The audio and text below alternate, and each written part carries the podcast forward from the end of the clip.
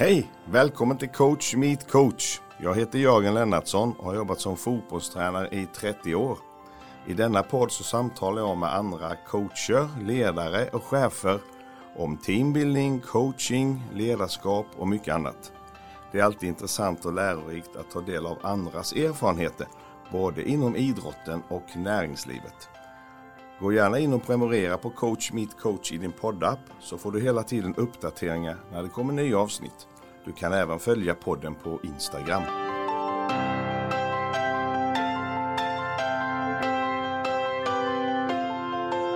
Jag är glad att kunna presentera Folkspel som samarbetspartner till Coach Meet Coach. Genom att låta hela överskottet från försäljningen av Bingolotto och Sverigelotten gå tillbaks till föreningslivet så vill ideella folkspel bidra till växtkraft och till att göra Sverige bättre för alla. I det ingår att stödja framtidens ledare, bland annat tillsammans med Riksidrottsförbundet och utbildningsprojektet Eldsjäl 2.0.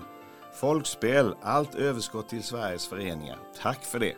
Hoppas du hänger med. Nu kör vi!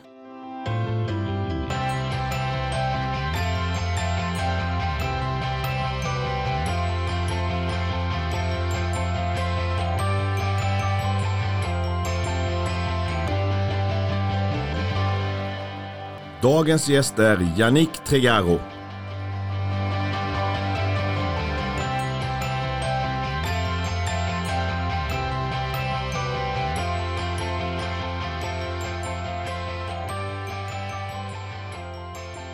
Yannick Tregaro, stort välkommen till Coach Meet Coach. Jättekul att vara här. Född i Gunnared utanför Göteborg. Ja, Stämmer det? ja det stämmer. Eller jag, först, i, först bodde jag i Rannebergen. Eh, och sen när jag var 12 flyttade jag till Hammarkullen. Så, Okej. det, så det är ute i Angered. Det är Angereds område i alla fall. Ja. Ja, Göteborg hela ditt liv. ja, Göteborg hela livet. Hela livet. 42 år. Du var en talangfull höjdhoppare som kom tia på junior-VM i Sydney 96. Tia ja, precis. Tia, hoppade 2.19 som högst. 2.17. 2.17, Så jag ska, jag ska inte ta i här nu. 2.19. Ja, vi, Sorry. vi är ju statistiknördar i friidrotten så att nej, 2.17. 2.17. Det är ju för övrigt var samma som Melvin Lyckeholm precis hoppade. Han hoppade nu. Ja, Ja, så Ja, att ja. eh, den lille skiten. Han blev bra han. Startade tidigt och gick över som ledare och tränare. Eh, har tränat massor med framgångsrika friidrottare, bland annat Christian Olsson, Kajsa Bergqvist, Emma Gren, Linus Törnblad och Alhaji Dieng för att nämna några. Utsett till årets idrottsledare i Sverige vid två tillfällen och du har som coach varit med och bidragit till att dina adepter tagit massor med medaljer för Sverige i både OS, VM och EM. Jannik, stort grattis till en härlig coachkarriär so far. Ja, alltså tack. Det är, när, när, när man tänker tillbaka på vad jag har varit med om så är det ju faktiskt häftigt. Ja, det är fantastiskt bra. Nuläget, du är anställd av Örgryte IS eh, som du har varit så mycket innan också. Hur ser coachinglivet ut just nu? Ja, men just nu är det kanske Alltså det, så, mm, det har aldrig varit så här intensivt som det är nu. Jag hade några år där jag var lite off men eh, nu är jag liksom 110% tillbaka och älskar verkligen det här. Tycker också det har varit skönt att liksom haft en liten dipp. För allting gick ju så himla fort i början och det gick så himla bra. Eh, och så tog jag kanske det lite för givet och liksom man har blivit äldre, man har gått igenom någon form av livskris. Och nu känner jag mig mycket mer alltså, tryggare och också har kommit underfund med att Alltså jag är ju en grym friidrottstränare liksom och jag har all, min bakgrund eh, All den erfarenheten jag har fått med mig på vägen jag, jag ser verkligen fram emot att fortsätta och använda den. Det ska bli väldigt spännande, vi ska prata mycket om det. Eh, Du blev tränare vid 21 års ålder. Kan du berätta lite om varför det blev så? Eh, ja, alltså det var ju egentligen att Viljo Nousiainen då, min tränare, han, han funkade ju rätt mycket som pappa också. Eh, han dog Mm. 1999. Och då tränade jag ju, han tränade även Christian Olsson. Mm. Eh, Trestegshoppare väldigt framgångsrik som vi kommer vidare till. Ja, precis. Ehm, och då var, alltså jag är två år äldre än Christian. Så jag var ju 21 år då. Um, uh, ja, men och då, ja, det fanns ingen annan tränare som jag egentligen kände att jag kände för att träna med. Så jag bestämde mig för att börja träna mig själv. Mm. Och då frågade Christian om inte han kunde hänga på min träning. Vi hade kört ganska mycket tillsammans. Mm. Uh, och då, uh, som man säger, på den vägen är det. Mm. Uh, först, I början var jag ju bättre än honom. Mm. men den sommaren 1999 så, så utvecklades han extremt mycket mm. och gick om mig. Och det, så det var ju väldigt men, det var svårt, för jag, jag, var lite osäker på om jag skulle fortsätta och min egna karriär. Jag hade haft väldigt mycket skadeproblem. Samtidigt så blev han väldigt, väldigt bra och mm. många såg nog han som en av de största talangerna som, som har funnits. Mm. Och det är klart, det, hjälp, det skyndade nog på lite grann processen att jag kände att det är tränare jag ska bli. Mm. Så att det gick, det är redan året efter, så år 2000 så, så kvalade han till OS. Mm. Mm. Uh, och då när han gjorde det så kände jag väl mer eller mindre att jag har mer att ge som tränare. Att kunna jobba på den nivån som liksom har varit min dröm hela tiden egentligen att nå världseliten. Du gjorde analysen att som tränare så kan jag nå världseliten men som adept så kommer jag inte kunna göra det. Ja, så, så var det. Mm. Och det var, har du aldrig ångrat? Nej, faktiskt inte. Alltså jag, jag kan ju ibland så här fundera på hade jag kunnat hoppa 2,20 i höjdhopp? Ja, det tror jag. Mm. Men ja, hur högt hade jag kunnat hoppa? Det, det, är klart att jag liksom tänker på det ibland. Mm.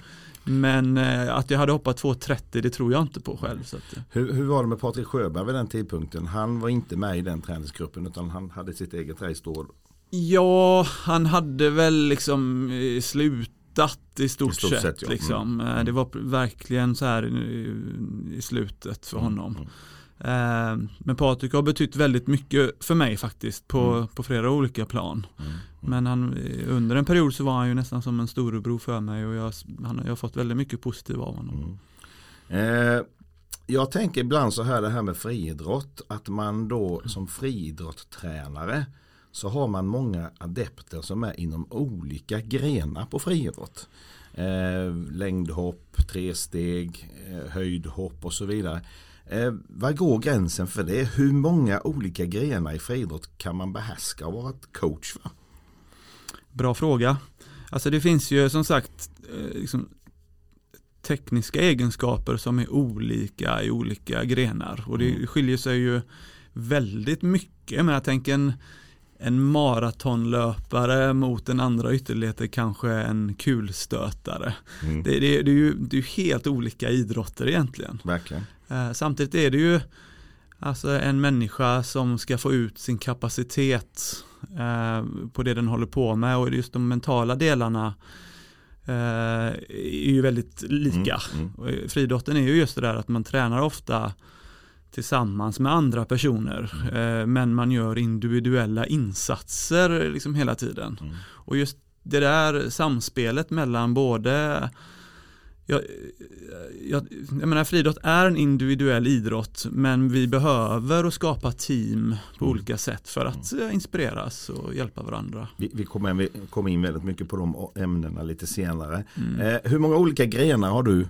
varit coach för inom friidrott? Ja men alltså grejen är ju nu jag tror också att det har ju med mognad och kunskap och ju, ju, längre man håller på desto mer lär man sig ju. Nu har jag ju börjat träna Fredrik Samuelsson började jag träna efter eh, VM i Doha. Mm. Så han flyttade till Göteborg i stort sett direkt efter VM förra året. Mm. Uh, och han är ju tiokampare. Mm. Och från början var det ju tänkt att, jag, att vi skulle ta hjälp med kastgrenarna för jag har inte den, den kunskapen, jag har inte haft det. Mm. Men och sen jag är också kontrollmänniska och gillar att ha kontroll över vad som sker i, liksom i helheten. Och när jag börjar när personerna som skulle hjälpa oss, när de inte finns tillgängliga då det passar för helheten så blir det ändå att jag börjar ta mer och mer ansvar på de delarna. Så att jag börjar ju lära mig ganska mycket. Jag är väldigt ödmjuk eh, liksom, mot uppgiften. Mm. Men så nu är det ju Alltså det är ju, hoppgrenarna har ju funnits där naturligt från början i och med alltså, att jag höll på med de grenarna mm. och att jag levde så tätt inpå tillsammans med Viljo och Patrik mm. som gjorde att jag fick det Alltså där har jag ju det här liksom i, i ryggmärgen, jag vet hur saker ska kännas själv och jag har sett Patrik liksom på världselitnivå så nära i många år. Um, så det har ju funnits naturligt från början, men så för att kunna hoppa riktigt långt i längdhopp framförallt så behöver man ju också vara väldigt snabb. Mm. Och, och, innan så innan jag började träna Tobias Montler som jag nu då, som är min bästa mm. atlet eller adept eller vad man ska säga just nu då, så har det ju varit mest fokus på tresteg och höjdhopp. Mm. Uh, och, och, där behöver och man Tobias, eh, Tobias är längdhoppare, längdhoppare ja. mm. och eh, de som jag tränat innan har, har varit mest liksom, höjdhopp och tresteg. Och höjdhopp och tresteg behöver man inte vara riktigt lika snabb. Det är hoppstyrkan, att mm. kunna stå emot i ett upphopp och i trestegshoppet också är, är viktigare än snabbheten. Men när det är, är längd, sen jag menar, du måste ju ändå vara ganska snabb för att kunna hoppa nästan 18 meter i tresteg också. Mm. Och i trä, löpning är ju något som ingår i, mm. i friidrotten hela tiden. Men när med Tobias kom så har också sprinten, för det är väl korrelationen mellan ansatshastighet och hur långt man hoppar i längdhopp är väldigt hög. Mm. Så att nu, jag vill ju också att han ska se mm. sig som en sprinter lite grann. Man tänker sig så här att de här grenarna som handlar om att så att säga, springa fort, hoppa högt och hoppa långt. Där finns ju ändå en viss form av eh, connection kan man säga rent logiskt så. Men eh, att kasta spjut och slägga och, och diskus exempelvis då. Ja. Eh, eller att springa väldigt, väldigt långt. Där är det en väldigt stor skillnad på, på tekniken då kan man säga. Ja, Men när du då tar dig an nu då en tiokampare kan man säga då att då får du lära dig spjutteknik från grunden för att kunna träna honom och då antar du den utmaningen och lär dig allt det som behövs för att kunna det rent tekniskt. Ja. Mm. Och det är en otrolig eh, härlig eh, ska vi säga, attityd och ambition att inte vara rädd för det utan att det här ska jag lära mig, det är inga problem. För jag förstår ju att själva det fysiska och det mentala inom friidrotten, där kan man träna ganska mycket tillsammans, olika grenar. Men när vi kommer på det tekniska så måste det skilja ganska så mycket. Ja, men det skiljer mycket på det fysiska också. Mm. På just en långlöpare till exempel. Ja, såklart. Mm. Men mm. Eh, men ja, jag gillar utmaningar. Mm. Och just det här, jag tror ändå att det finns um, alltså kedjor, alltså när en fot träffar marken, hur energin och kraften går vidare upp i kroppen så att man kan liksom använda kraften. Mm. Mm. Det är ju det sker ju i kastgrenarna också. Mm. Ett, ett, ett, utkast så att mm. säga. Är, och, och och det tror jag ändå är någonting som jag, som också, som jag har en talang för. Mm, mm. Att kunna, också ha lärt mig. Kunna att kunna se det. Kunna när, man, när man pratar med andra inom friidrotten så vad är, vad är, eh, vad är Janiks starkaste sida? Förutom att han är en väldigt god människa så har han otroligt bra öga för friidrottsdetaljer. Det är omdömet som det blir ofta om dig, stämmer det eller? Ja, det är ju kul att höra. Mm. Men eh, det är, jag gillar detaljer. Mm. Jag, jag tror också väldigt mycket på, det är det som jag tror eh, liksom är min styrka att få folk att prestera bra också. Att, att tro på det man gör. Mm. Och bara även om man inte är bäst i världen så tror jag att om man liksom förfinar tekniken och får en hundraprocentig timing i, i en isättning Mm. Och man kan få med sig 100% av den kraften. Mm. Då tror jag man, man behöver inte vara bäst i världen för att ändå Alltså man behöver inte ha den bästa fysiken och bästa talangen. Du kan mm. ändå bli väldigt, väldigt bra mm.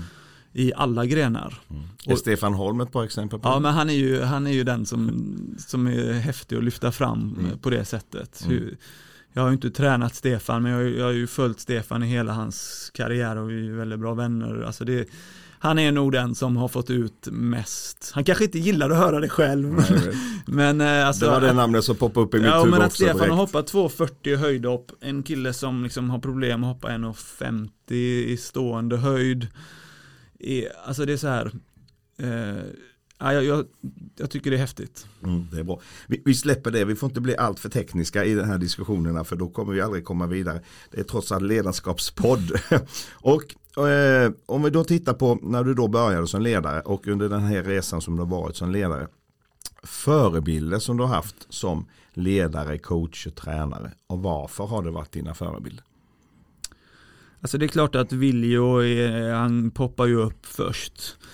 Han hade ju en, en förmåga att um, Ja men alltså när vi var och tränade uh, så, så bara trollade han fram övning på övning på övning som utmanade oss att använda våra kroppar liksom, mm. för ändamålet. Mm.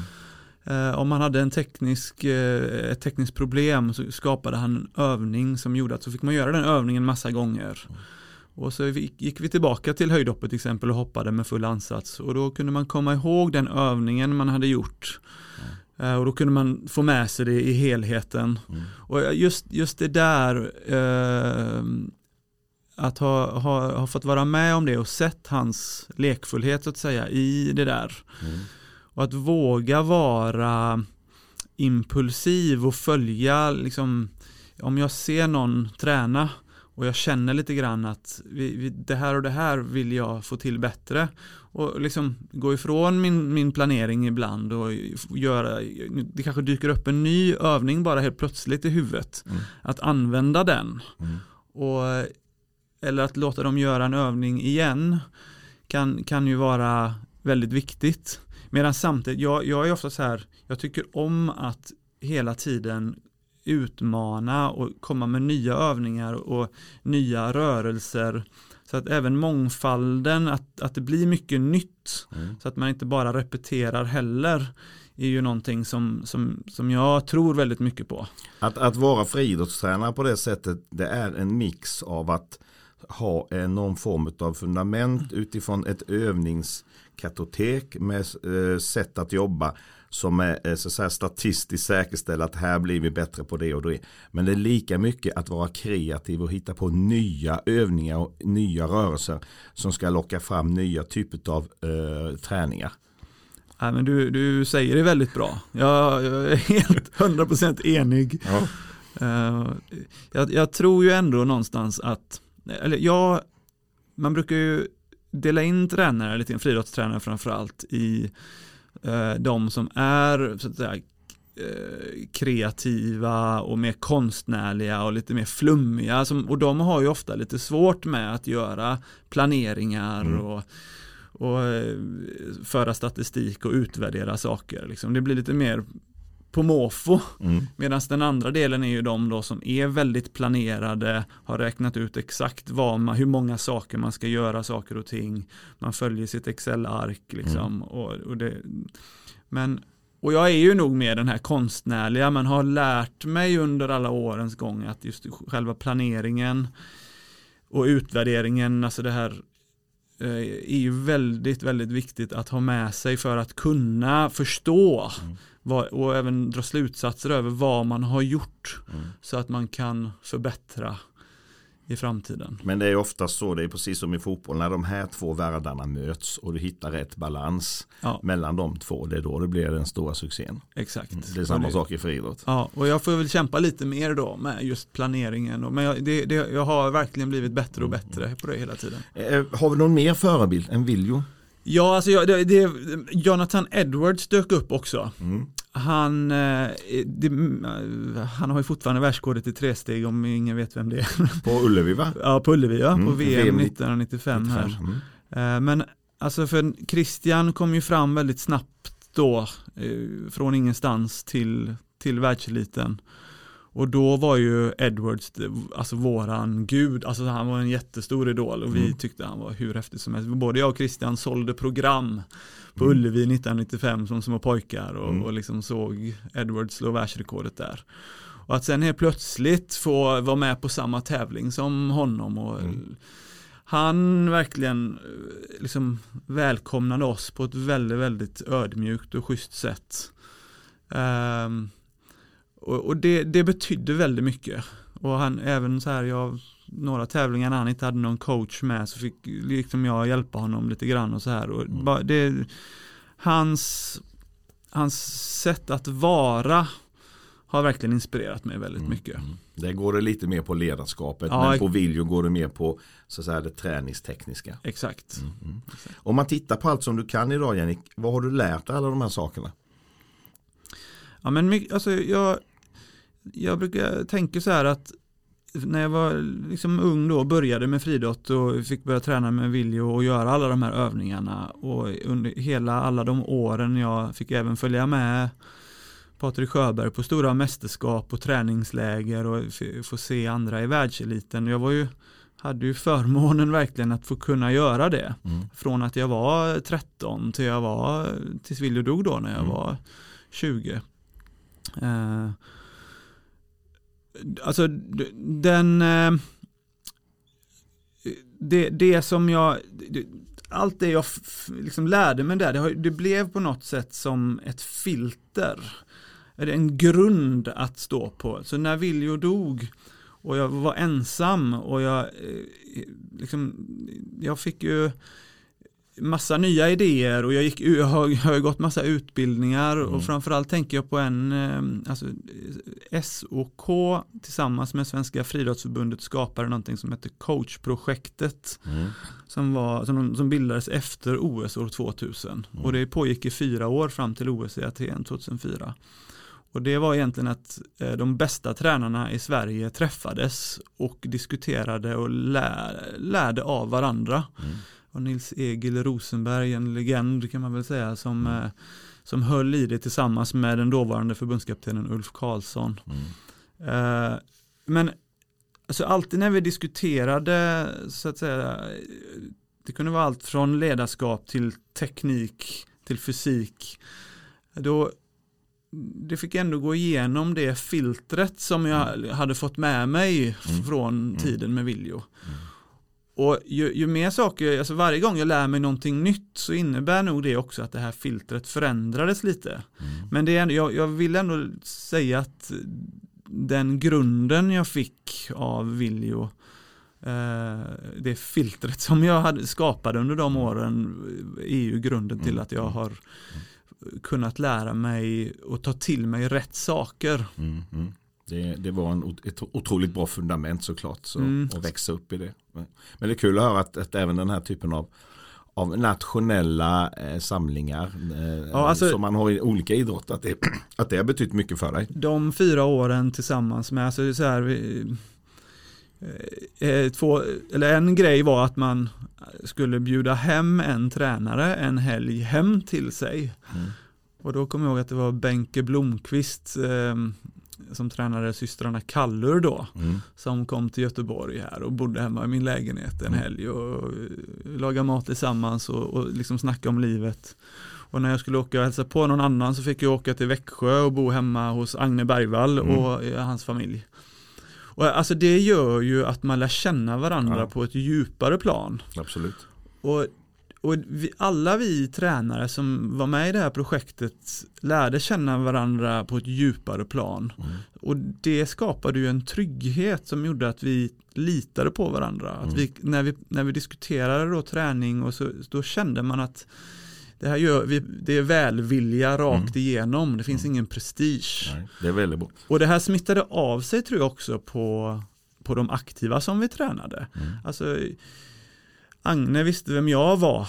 Eh, och det, då kände han ju att Jannik kan du kolla på Carolina Klyft då liksom när jag kan inte hänga med på den här tävlingen. Kan du, kan du hjälpa henne där? Och här finns det inte någon så, så konkurrens på det sättet mellan eh, ja, IFK Växjö, KA2, Örgryte, you name it. Jo men så kan det ju ändå vara, alltså, alltså håller man på med samma gren så är det ju mycket prestige. Ja. Jo, så är det ju även inom träningsgruppen. Ibland har jag två killar som hoppar tresteg som är ungefär lika bra. Så, så det är klart att det blir en liten liksom, tävlings... Man, man vill vara den bättre. Och det finns även jag tror nog också att de bästa friidrottarna i landet lite grann tävlar om, även om de håller på med olika grenar, mm. liksom tävla lite grann om vem är det egentligen som är bäst. Mm.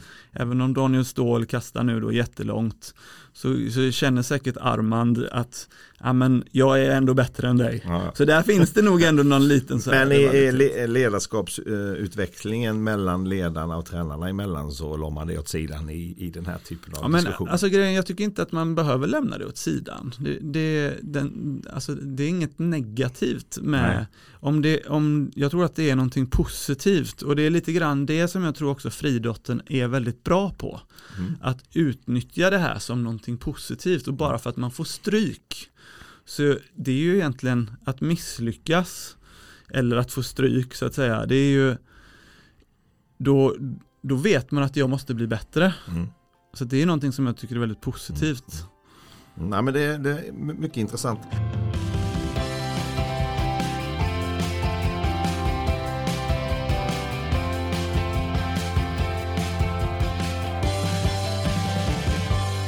Vi ska gå vidare lite grann på det här med ledarskapsdelen då. Ledarskapsfilosofi, coachingfilosofi. Det är väldigt vida begrepp och breda begrepp som, som kan innefatta mycket. Kan du berätta lite om din filosofi på ledarskap och coaching? Det är som du säger, det är väldigt svårt. Men alltså, den, vi har en väldigt enkel, eh, man kallar det motto eller vad det nu är. Liksom. Det är så att jag vill få alla jag tränar att nå 100% av sin egna förmåga. Mm. Och det är, fri, det är ju orättvist friidrott. Har man eh, fysiska förutsättningar, alltså, ja, man är, är, är, född med väldigt mycket snabba muskelfibrer, liksom, typ 2x, så då är man snabbare än någon som inte har så mycket eh, snabba muskelfibrer. Men och därför är det också det som är häftigt att man kan ju välja olika grenar. Har man väldigt mycket långsamma muskelfibrer då kanske man ska hålla på med långdistanslöpning mm. och då orkar man väldigt länge istället. Eh, men som sagt, alla, alla kan inte bli bäst. Och det, men jag tycker att, jag, jag tror så här, den som jag har lyckats, lyckats nå längst, jag är inte helt säker på det här såklart, liksom. men det är en kille som heter Joel Spolén som hoppar 2.22 i höjdhopp. Mm. 2.22 tycker jag är väldigt bra. Mm. Alltså, men det är inte världselit. Det, det är en Europaelit, men, men man kvalar inte till något internationellt mästerskap på 2.22. Men eh, att Joel eh, hoppat 2.22 och hoppat över 2.20 sex gånger. Han, han, jag tycker utifrån hans förutsättningar och hans kropp och mm, liksom så som han var när han var yngre så tycker jag det är väldigt häftigt att han har kunnat bli så bra. Mm, mm. Medan sen eh, Christian Olsson såklart har liksom tangerat världsrekordet inomhus och vunnit OS-guld. Han, alltså, han skulle ju kunnat hoppa 18 meter. Mm. Uh, och jag hade ju gärna velat få ut lite mer hos honom. Alltså det är klart att han har fått ut jättemycket av sin kapacitet också. Mm. Men du, jag tror du förstår poängen. Förstår och, det, och, det, är lite ja. det som, som driver mig verkligen. Mm. Samtidigt vill jag ju jobba med talanger. Jag vill jobba med folk som, som kan bli Alltså jag, det är också Eftersom jag kräver väldigt att få någon att nå 100% av sin förmåga det kräver ju att man måste skapa en livsstil. Mm. Eh, för... Jag bara avbryta där. I skapandet av den livsstilen utifrån ett demokratiskt kommunikationssätt eller ett auktoritärt kommunikationssätt eller en situationsanpassning. Vad eh, är ditt sätt att arbeta och tänka där? Ja, men jag är demokratiskt. Mm. Eh, men jag, alltså samtidigt är det så här att om om du går ut och festar varje helg eh, och liksom eh, super skallen av dig varje helg. Så alltså, det är ju, jag kan inte säga att någon, du får inte göra det. Jag kan, jag kan vända på det, om du vill göra det, liksom gör det. Liksom, kom igen, bara gå ut och ha kul. Och, mm. Men det är inte gynnsamt för dig. Nej. Du förstör ju för dig själv. Mm. Och kom inte till mig och säg då liksom att, att du gör 100%, att du verkligen satsar så bra som möjligt för att du ska kunna bli så bra som möjligt. Kom inte och säg det till mig. Så att det handlar ju mer om att du själv måste ta ansvar för vad du vill. Mm. Och jag utbildar ju hellre liksom och talar om för vad jag tycker är bra val och vad jag tycker är dåliga val. Men jag, kan inte, jag tvingar aldrig någon. Eh, är det något mer kring det här med coaching och ledarskapsfilosofi som du känner att det här är mina ledstjärnor och värdegrunder runt det? Ja, men jag, jag tror ju att det handlar väldigt mycket om att skapa sig rätt attityd och det hänger ihop med att man har eh, en rätt livssituation. Mm. Att skapa sig ett liv där det är möjligt att göra en full satsning. Mm. Och det, alltså det handlar alltså, man kan jobba, man kan plugga, man kan göra båda. Men det gäller att ändå ha tid till att kunna träna och återhämta sig. Mm. Och sen att göra rätt val liksom hela tiden. Tror du det skiljer sig att vara tränare för friidrottare som oftast är eh, så säga, individuella idrottare på det sättet utifrån den delen med så att säga, motivation, eh, att vara självgående och så vidare. Än exempelvis en idrottare i en fotboll, hockey, handboll, bandy som en lagsport. Ja, du? jag tror det är jättestor skillnad. Mm. För att en eh, individuell idrottare kan inte gömma sig någonstans. Nej. Ja, alltså, det räcker den kommer till träningen så, så ser jag hur han mår eller hon. Mm. Mm. Eh, och när den börjar alltså kroppsspråk, när den börjar eh, jogga och värma upp. Det är klart att en fotbollstränare också ser det, men det är väldigt mycket lättare att, att gömma sig i, i gruppen. Mm, mm. Och om, om man inte mår bra, då, då, är, då är det mycket svårare att gömma sig så att mm, säga. Mm. Så att jag tror det är stor skillnad. Mm. Nej, jag håller med också där. Det är bra. Eh, då kommer vi in på en sak som hänger, in, hänger ihop i den här eh, delen som du har pratat med, nämligen det här med lagande och gruppdynamik. Då. Friidrott är ju oftast, om det då inte är stafett, en individuell idrott. Men ändå så tillhör man då en grupp, en klubb, en träningsgruppering. Hur jobbar du och hur är ditt tänk med det här med lagande och gruppdynamik? Alltså jag, jag, jag brukar så här när man kommer till träningen så kan man ju välja vad man har för attityd när man kommer. Och kommer du och är trött och hänger med huvudet och är seg så att säga. Då, då drar du ju ner energinivån i gruppen. Mm. Och jag, alltså det är inte okej okay att göra det. Alltså det är okej okay att göra det en gång, men två gånger att göra så är inte okej. Okay. Uh, så att du, man kan, även om man har haft en tuff dag och man eh, är lite trött och hängig och sådär, så kan man faktiskt ändå rycka upp sig och ha en positiv attityd när man kommer. Mm. Och kommer det en positiv person till gruppen, då blir det kul att träffa den här positiva personen och då höjs ju energin i gruppen. Så, och det, den där positiva energin som man får tillbaka är ju faktiskt äkta. Mm. Och det gör ju att du kan vara trött när du kommer till träningen men när du väl har träffat dina kompisar och ni börjar värma upp och så kan du helt plötsligt vara fylld av energi. Mm. Och det är ju grunden på något sätt, mm. att man har den inställningen att mm. man vill göra på det sättet. På vilket sätt jobbar du då för att skapa den här eh, atmosfären där man verkligen kommer till eh, träningen och bidrar med, grupp, till, med energi till gruppen varje dag? För det är ditt ledarskap också som bidrar med det. Ja, men jag tror att min, alltså hur jag är spelar väldigt, väldigt stor roll. Mm. Hur, alltså att jag måste ju ha en energi, jag behöver, man behöver inte vara överdrivet liksom positiv eller sådär, men jag har tänkt på det ibland i vissa perioder när jag har varit trött, så ofta vi samlas här i Friidrottens hus på höjdhoppsmattan. Mm. Och så lägger jag mig på höjdhoppsmattan där och liksom väntar på att de aktiva ska komma. Om jag, om jag ligger där och liksom är helt liksom, trött och de kommer, mm. det, är ju inte, det är inte så bra. Nej. Så det, jag vill helst inte ligga på den. Jag kan, även när jag sitter på den ibland så, känn, så känn, påminner jag mig själv att nej men ställ dig upp istället. Så, Ditt kroppsspråk sänder negativa signaler. Ja, alltså, mm. hur, och, hur, att, och att jag Alltså den, jag brukar prata om nyfiken blick. Mm. Det, och det, det måste jag ju ha. Mm. Om jag inte har en nyfiken blick så kan jag inte förvänta mig att någon annan har det. Det är väldigt bra. Men och det är ju det som också, ju fler i gruppen som, som står upp mm. och som har nyfikna blickar, då kan man ju inte komma och lägga sig på höjdhoppsmattan.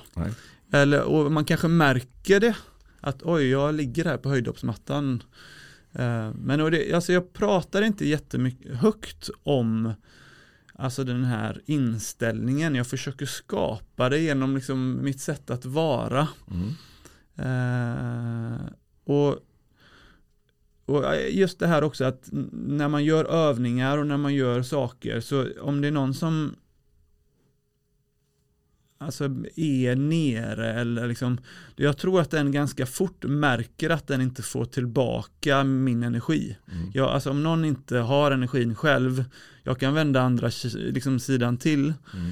eh, och liksom in, jag, jag är inte otrevlig eller sådär liksom, men jag, alltså vill man ha energin, är man nyfiken, då får du tio gånger tillbaka av mig liksom. Men, Men, där är du det- väldigt tydlig om, om du ser en adept som tränar med 90% engagemang och energi. Då får inte den lika mycket tillbakameldingar Ja, som en som är på hela tiden. Ja, absolut. Det det Men, och, och i vissa tillfällen så, så är det ju också eh, läge till att säga till någon. Liksom. Alltså, och, och självklart är det ju så att mår man dåligt eller man är extremt trött eller har hänt någonting eller så där, då, då får man ju prata om det. Mm.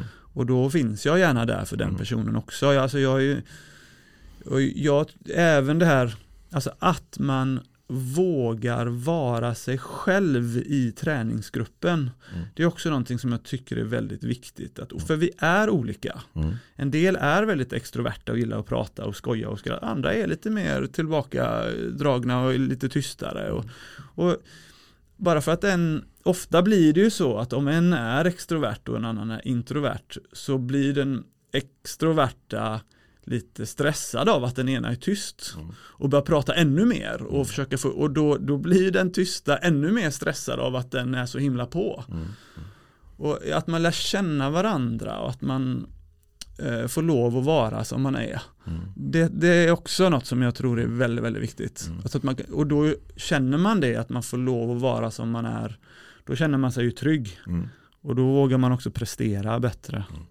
Men i din, så att säga, eh, när du strukturerar dina träningsgrupper och så vidare och din tro på utveckling så är det här med att tillhöra en grupp, även om man är en individuell idrottare, att tillhöra en grupp och känna den gemenskapen är en väldigt viktig del för en individuell idrottares utveckling. Ja, pre- absolut. Men jag vill säga, för jag har ju, nu har jag ju ja, 10-11 som jag, som jag tränar.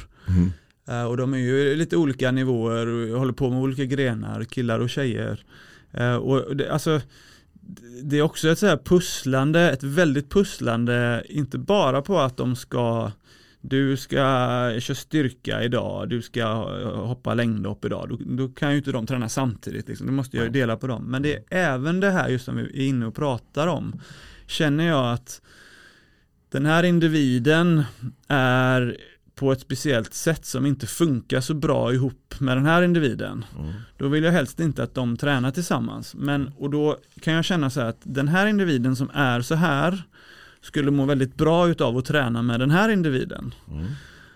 Och då kan jag liksom styra lite grann så att den personen får träna med den här Mm. individen och så smittar dens personlighet av sig lite på den här individen.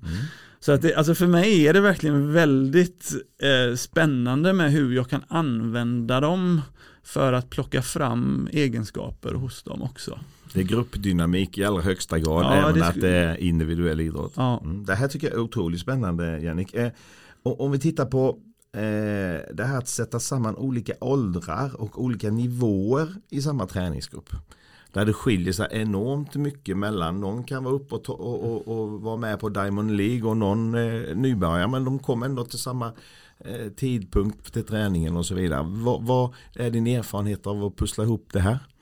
i, eh, i vi- vissa liksom så här ehm, eh, personlighetstyper ska det funka hur bra som helst. Mm. Inga konstigheter alls. Mm.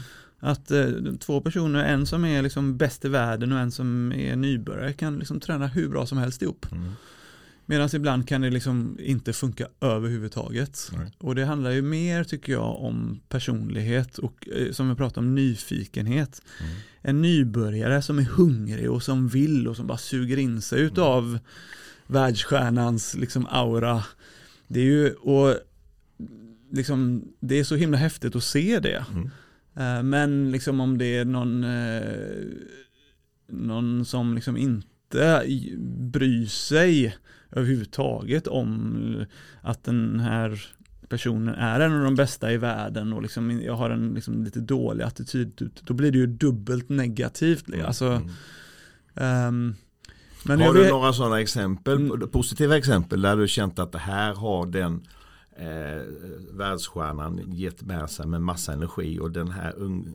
Nej men alltså jag tycker det är egentligen, eh, det är det som är eh, som alltid har varit en styrka tycker jag i både i min träningsgrupp men framförallt liksom i friidrotten i stort. Jag men bara tänker på en träningsdag i friidrottens hus där vi är varje dag eller på Slottsskogsvallen. Mm.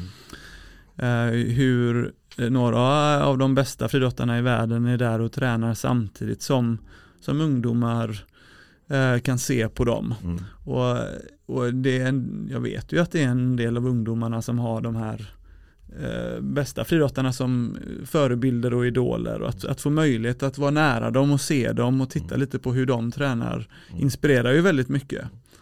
Men även så här på träningen att jag, jag gillar ju lite så här utmaningar och tävlingar mot varandra. Mm. Och så vi, jag jobbar ofta med olika så här, handikappsystem. Eller, det är ju så här om någon som är yngre, en yngre kille eller tjej har ju kanske ibland lite lättare att slå personliga rekord så på träningen mot en etablerad som hållit på i mm. många år. Mm. Och jag menar om den unga sätter pers på träningen så då kan ju inte den Även om det är två meter kortare i stående femsteg till exempel eller mm. fem meter kortare så har ju den ändå persat och det har inte du gjort. Du får Nej. skärpa dig. Precis, ja, men det är väldigt spännande. Eh, kan du tänka, vi pratar om här att det är viktigt att de passar ihop i en grupp. Att, att deras personligheter fungerar någorlunda om de ska tillhöra en grupp tillsammans. Kan du tänka dig att inte ta in en stor friidrottstalang i din träningsgrupp för han på grund av att hans karaktär absolut inte passar in i träningsgruppen? Alltså det är dubbelsidigt för att om han har en sån eh, negativ karaktär som du försöker beskriva nu så ser jag en väldig potential i det. Att ändra den negativa karaktären till en bättre karaktär. Mm. Och då tänker jag i min värld att den skulle kunna prestera ännu bättre mm. om den mår bättre. Mm. Så att det, det, är en utmaning då mm. som, jag, som jag gillar. Mm. Eh, samtidigt som det då är eh, också en hur stark är den här personen? Kommer den förstöra gruppdynamiken totalt? Exakt, det står på andra sidan. Ja, det står på andra sidan. uh, och, uh, så att det, ja, det, det, finns inte ett enkelt svar på det. Jag, Nej, måste, jag fundera, exakt, jag måste fundera igenom det och vem det är och om det är värt det. Mm. Det är i alla fall värt att fundera på. Ja, det är värt att fundera mm, på. Mm, det är väldigt, väldigt bra. Eh, samhällsutvecklingen eh, går ju framåt på olika sätt och eh, ja, rent generellt så blir det väl mer och mer ett egoistiskt samhälle. Det kan man väl kanske inte blunda för och att en ny generation är lite mera eh, jaget än laget i tänket och det kanske även gäller friidrottskaraktärer. Eh, hur har det påverkat din roll som friidrottstränare? Eller till att börja med, håller du med? Jag sitter lite tyst här. Jag, jag funderar lite. Alltså jag accepterar ju inte det. Nej, det är bra. Nej men alltså så här. Du, du accepterar inte att, att det är så? Eller? Nej men alltså att vara självisk, vad är det? Alltså, mm. jag, jag, jag, jag, vill att man, ska, att man ska kräva att man får det man behöver. Mm eh, om du gör jobbet. Mm. Alltså om du är då på eh, högsta nivån och du kräver att jag, jag ska få full uppbackning i min, det tycker jag är en självklarhet. Mm. Och där vill jag att man då ska vara egoistisk lite grann i, i det läget. Mm. Men du kan inte eh, du är inte värd mer som människa än någon annan. Bara för att du är bättre än någon annan på att hoppa längdhopp till exempel. Nej. Och där är det någonstans en, en balansgång då för liksom, var, var, varför är du egoistisk? Handlar det om att du vill bli bättre själv? Eller är det för att du ska hävda dig och att du egentligen har dåligt självförtroende? Mm. Om det är så att du egentligen har dåligt självförtroende och behöver uppmärksamhet, liksom, så då är det fel anledning.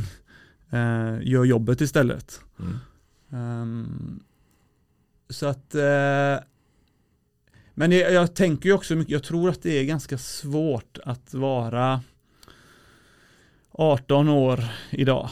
Mm. Uh, det, man, man kommunicerar ju väldigt mycket via sociala medier och via telefoner och så här. Liksom man pratar inte med varandra riktigt på samma sätt längre. Nej. Och det, gör, det, det, skapar nog lite problem. Men mm. jag, jag jag tycker att jag kan prata med dem jag tränar. Mm. I, alltså, träningsgruppen är ju en fysisk plats där mm. vi ses och tränar mm. på riktigt. Mm. Nu är för idrott som vi sagt innan lite mer individuell idrott så på det sättet så kanske inte det blir jättes, lika stor skillnad så kanske det kan vara på en lagbollsport till exempel. Men jag, just det där att jag, jag, vill, jag vill lära känna dem. Jag vill eh, liksom att gruppen ska lära känna varandra. Och det gör ju att vi faktiskt får en en, en, en som jag kallar det normal mm. relation. Mm. Som inte är en eh, sociala medierelation. Nej, nej det, det, det, det, är nog väldigt viktigt. Ja. Eh, eh, vi avslutar snacket här om gruppdynamik och laganda och så vidare kopplat till dina träningsgrupper. Ibland har du haft adepter som har varit utspridda över hela världen. Mm, jag gillar inte att träna på Monaco exempelvis ja. och ja, Christian bodde han i Australien ett tag eller hur funkade det? Nej, men det funkar ju i eh, att de är borta liksom, i perioder. Jag, jag tycker så här att är man ifrån varann längre än så här tre veckor då, då kan det börja smyga sig in så här mm. problem. Mm. Mm. Alltså allt från fysiska, tekniska och mentala problem. Liksom. Mm. och som sagt, jag är en kontrollmänniska så att tre veckor får fan vara nog. Mm. Nej men eh, jag, jag, jag, tycker just det här som vi har pratat om lite grann med, mm. med hur viktigt det är att se varandra i ögonen. Mm.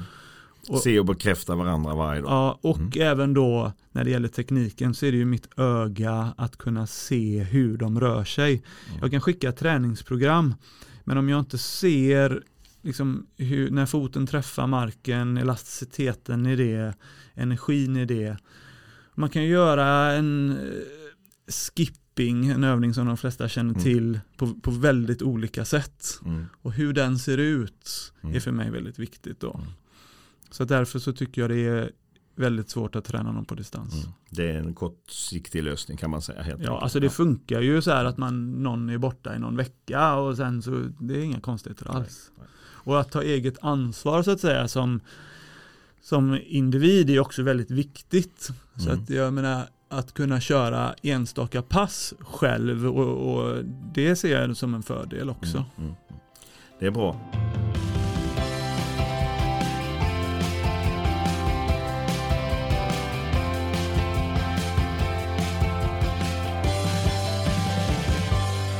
Du, Jannik, vi ska eh, lite kort, för en kort stund lämna eh, det här med, med tränare och coachingskapet och så ska vi gå över på en punkt här som vi kallar för fem snabba svar. Spännande. Och då får du inte tänka allt för länge utan vi vill ha ett snabbt spontant svar. Är du beredd? Ja, jag är beredd. Då kör vi. Håkan Hellström eller Lalle? Oj, eh, Lalle. Eh, ja. Eh, i grundstadion i Zürich eller Bislett i Oslo? Eh, Letzigrund. New York Marathon eller Göteborgsvarvet? Oh. Seger. jag har ju sprungit båda. Ja. Eh, men eh, alltså New York Marathon. New York Marathon. Ja. Förlåt, ja, Göteborgsvarvet. Det, det är okej. Okay. eh, då ska du få en lite mer lokal fråga. Avenyn eller Linnégatan? Linnégatan. Lätt. Lätt Linnégatan. Sergej Bubka eller Xavier Sotomayor? Nej, det där var svårt. Det var meningen också. Det var riktigt, riktigt svårt alltså. Shit vad, vad mycket tankar som dök upp där. Måste man svara? Jajamän. Uh... Och du får inte svara ett kryss två. uh, Sotomayor. Sotomayor. Ah, shit, Härligt. Ja, okay. Du, det där blev eh, ganska mycket funderingar. Det var, det var bra val Ja det var roliga, det var roliga fem snabba faktiskt. Ja, härligt. Vilken var värst? Ja det var den sista. Jo, men den sista var värst. För Ja. alltså Sotomayor är ju ändå så här höjdhopp. Världsrekord i höjdhopp. Ja, Mm. och, och alltså, höjdhopp ligger mig väldigt varmt om hjärtat. Mm. Eh, Ja, och, alltså när han, han, han var en grym, han är ju den bästa hopparen genom alla tider. Om, Mm. Men han har åkt fast för doping Mm. och ja, jag har liksom har lite svårt för honom. Medan Sergej då, Stavop tycker jag också väldigt mycket om och han, han, han var ju helt outstanding också. Mm. Men just också, jag har liksom senaste åren så har det blivit så här med eh, massa typ korruption och med saker som jag känner att jag inte helt, jag vet inte riktigt vad jag har honom. Jag är lite, Det är bra, vi släpper det.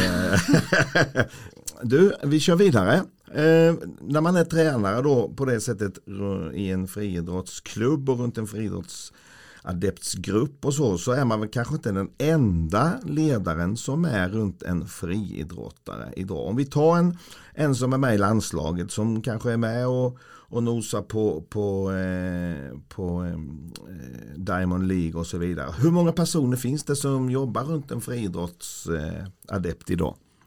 Ja men det är ganska många på, eh, på den. Det är lite olika såklart. En del eh, har en mental rådgivare. Och det där, det, men det är verkligen inte alla, men en del har det. Och sen så har man ofta en, en massör, eller alltså någon som hjälper en lite med, med att ta hand om kroppen. Um, det kan vara en naprapat eller en massör. Mm. Eh, och sen så har man ju en tränare såklart och sen så är det, Har man bara en tränare? ja alltså det kan vara fler tränare. Mm. Eh, det, och sen finns det en alltså förbundskapten. Mm. Det finns en klubbchef ibland kanske som vill att man ska vara med på olika sammanhang samt med Mm. klubben. Ehm, ja, Men det är några stycken i alla ja fall. men det är några stycken Mm, och sen är det ju ens, liksom, ens relationer, ens, ens familj, ens pojkvän, flickvän, ens vänner, ens träningsgrupp. Mm. Alla de där kontakterna man har betyder ju faktiskt någonting. Mm. Du, du var inne på förbundskaptenen här. När man är tränare eh, i friidrott, eh, som du för, i det här fallet då för Örgryte. Hur fungerar det då med samarbetet med, med Torneklints, eh, med förbundskapten exempelvis och så SOK och så vidare. Hur funkar samarbetet med dem? SOK glömde vi för övrigt. Ja. De kan också vara med där Ja. och, vilja saker. Eh, nej men det, är- ja, det är ju lite olika. Eh, har man aktiva, ju, ju bättre de aktiva är, ju ofta blir det ju desto mer kontakt med förbundskapten. Mm. Det handlar ju om då att de ska kanske klara en kvalgräns och då vill man ju ha en bra kommunikation kring vad som gäller. Mm. Eh, Det tycker jag är väldigt viktigt. Ehm, Och tydlighet i det är, är uppskattar jag väldigt mycket. Mm. Eh, kan- det finnas eh, frågor där man är oense med SOK och förbundskaptenen om hur eh, adepten ska träna? Ja, det, det kan hända i vissa fall faktiskt. Mm. Där SOK kanske då eh, tycker vissa saker och kan man som tränare heller inte svara på ens, ens plan och ens filosofi då är väl också frågorna alldeles eh, alltså be, be, befogade. Mm. Ja. Men vem bestämmer i slutändan? Det är upp till den aktive Okej. att bestämma vem han vill eh, liksom lita på och eh, vilken relation han eller hon vill ha tillsammans med, med tränaren. Jag menar, alltså just det här, finns det förtroendekriser så är det ju väldigt, väldigt negativt. Ehm, så att, eh, och då, då menar jag på alla, alla plan. Mm. Mm. Så att det, det behöv, behövs ju, om det skulle finnas det så måste Mm. det lösas. Mm. Då måste man prata ut om saker. Men du har ju varit med på några exempelvis OS och VM då när du har varit tränare för exempelvis eh, Emma Gren eller Kajsa Bergqvist eller Christian Olsson. Är det du som då i ett sånt, eh, i ett sånt tillfälle så säga, styr hela upplägget under Ja. ett mästerskap eller vad har förbundskaptenen för roll där i med, med, med de aktiva? Nej, men förbundskaptenens roll eh, i, i mästerskapssammanhang är att skapa förutsättningar för att vi tränare tillsammans med de aktiva ska kunna genomföra våra planer optimalt Mm. skulle jag säga. Och då hjälper de ju, liksom då skapar man en, en, ett förläger kanske där man eh, bor och tränar. Och där ska det då finnas bra förutsättningar för träning, bra boende, bra mat framförallt. Mm. Och att vi får hjälp en medicinsk eh, team, Mm. support i Mm. de delarna. Ehm, Men där skulle det inte kunna hända att en förbundskapten kommer att lägga sig i Nej, det hade, varit, det eh, hade varit olämpligt skulle Ja. jag säga. Mm. Ja, liksom, om en förbundskapten skulle lägga sig i tekniska eller fysiska detaljer inför ett mästerskap. Det hade... Det, Mm. Det händer inte. Nej, det ska man inte göra. Nej, nej. Ja, men det. Eh, Där, där, där, där måste det finnas ett förtroende från förbundskaptenen mot tränaren. Mm. Om det skulle finnas sådana tankar, då tycker jag ju att förbundskaptenen ska ta det med tränaren, Mm. men inte då, Nej. efter. Om vi säger att vi, vi kommer till ett OS och, har, och så har Sverige fyra eh, höjdhoppare som har kvalat in på Ja. här sidan eller Ja. de sidan Ja. eller tillsammans både och. Har, har alla sin egen tränare då? Eller kan man säga att det finns en svensk höjdhoppstränare då på ett OS eller har varje eh, tävlande sin egen? Eh, Det, det beror ju på, alltså som när jag tränade Emma och Kajsa, så på några mästerskap så var jag ju tränare för dem båda. Mm. Och jag menar att de i eh, några mästerskap, till exempel Osaka 2007 så var det tre kvinnliga höjdhoppare. Då tränade jag Emma och Kajsa och sen så tränade Emil Predan då Ebba Ljungmark. Mm. Eh, Så att eh, det, det, det, kan vara tre, det kan vara en. Mm. Är det den aktive som bestämmer detta helt och hållet? Ja men man har eh, eh, till 90, på, alltså om vi pratar internationella mästerskap då, då, då menar jag liksom EM, VM, OS. Då är det skulle jag säga till 97 procent, kanske, kanske mer, att man har sin personliga tränare med sig. Mm. Eh, Det, det är sällan att eh, någon förbundstränare så att säga. Vi har ju en del då, jag har också varit anställd några, några gånger, några procent Mm. av förbundet, att man har ett ansvar kanske för för tresteg i Sverige lite grann Mm. eller för, eh, för höjdhopp eller men eh, i de sammanhangen så är, så är det ju till 98% eh, hemmatränaren som ändå är med och gör resan hela vägen. Men om man åker på ett, en GP-tävling i Stuttgart. Ja men det kan vara så här på Finnkampen till exempel är det Mm. ju då, kan, då är det så pass många med så att då har inte förbundet råd att ta med alla tränare till alla. Nej. Och då får man hjälp. Och, alltså det, det, jag hjälper ju ibland folk eh, som inte har med sig sina tränare på Det kan vara folk jag känner eller så är det någon som bara som kommer fram på en längdhoppstävling senast nu på Bauhausgalan i Stockholm. Norsk längdhoppare Ingar Kiplesund, hans tränare Frank som jag ändå känner en del kunde inte följa med. Mm. Och då frågar han mig om kan du, kan du hjälpa mig? Mm. Mm. Ja, men det är bra. Och då är- hjälps vi ändå åt på det sättet. Och jag, en del säger nej, men jag, alltså, jag, jag hjälper till så gott jag kan. Sen är det såklart att är det för många som frågar och det blir för rörigt, då måste jag ju säga nej, det funkar inte.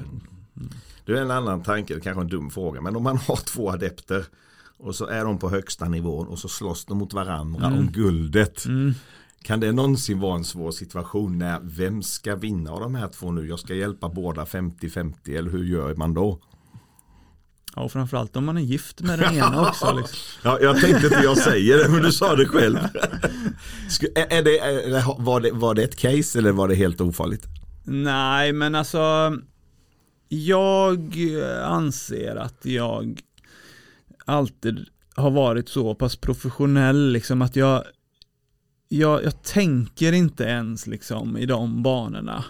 Jag, liksom, om vi tar nu Kajsa och Emma som exempel i och med att liksom, du lyfter upp det på det här sättet. Så, så när, när jag liksom går fram och pratar med Kajsa så är det, då har jag liksom hela hennes Alltså våran kommunikation, våran relation, hela hennes resa fram till liksom där hon är. Mm. Och så coachar jag henne utifrån att hon ska liksom göra det optimala ur den situationen. Och sen så får jag helt enkelt gå ur den resan och, och liksom två minuter senare går jag till Emma Mm. och då har jag liksom den ryggsäcken på mig istället liksom. Men det här är helt eh, odramatiskt. På no- För dig är det det? Ja, för mig är det det. mm. Det, det, det är det verkligen. Sen så Sen finns det ju, kan det ju, jag, alltså, nu, säger, det kan du- finnas en prestige mellan dem. Ja. Eh, och nu, nu behöver vi inte ta Emma och Kajsa som exempel, liksom. men jag menar det, det, det kan ju verkligen vara så att de vill slå varandra och som gör också att det blir en, en, en, en svår situation för dem när de liksom ska värma upp tillsammans till exempel. Eller, och då, det kanske de inte vill. Skulle det funka mellan två amerikanska 100-meterslöpare som slåss om ett OS-guld? Ja, det skulle det kunna göra, men det skulle inte behöva göra det heller. Nej. Men det, och det är nog upp varje enskild eh, situation. Men det är, så här, är man träningskompisar så har man ju ändå, alltså, då, då tränar man tillsammans, man har eh, sin relation i botten med sig in. Är man liksom rivaler och man inte är till man kommer från olika länder, man känner varandra knappt och man liksom då, går, då, då kan man ju liksom så bygga upp en annan form utav liksom energikälla för att vilja slå dem Mm, eller ja, mm. besegra motståndaren liksom. Mm. Ja men det är bra. Eh, det är spännande ändå. Ja, jo men jag tycker också det är spännande och det, Mm. jag, jag, jag tycker ju att eh, alltså, du, i de lägen så ska du som aktiv vara självisk och vilja vinna. Mm. Och eh, förlorar du så tough luck liksom. Det är Mm. liksom det, då, din konkurrent var bättre idag. Mm, Det, mm. det är bara att gå hem och göra jobbet bättre.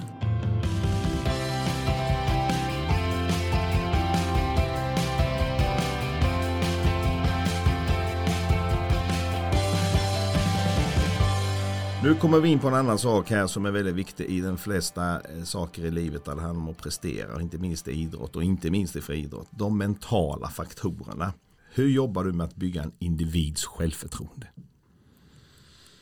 Eh, är otroligt Det är en väldigt stor är, fråga. är väldigt otroligt komplext alltså det, och det är svårt att sätta fingret på på eh, vad jag gör men mm, stor del är ju att se dem att ge dem verktyg eh, ja, men det, för mig handlar det faktiskt både om hur Alltså eh, att tekniska egenskaper till exempel eh, men även mentala, alltså hur, hur agerar man i olika situationer? Vad, hur, hur hanterar man en motgång eller hur tacklar man att någon säger någonting till en eller Mm och, och liksom att diskutera de sakerna och att finnas där som en som en vuxen, trygg eh, kompis och tränare.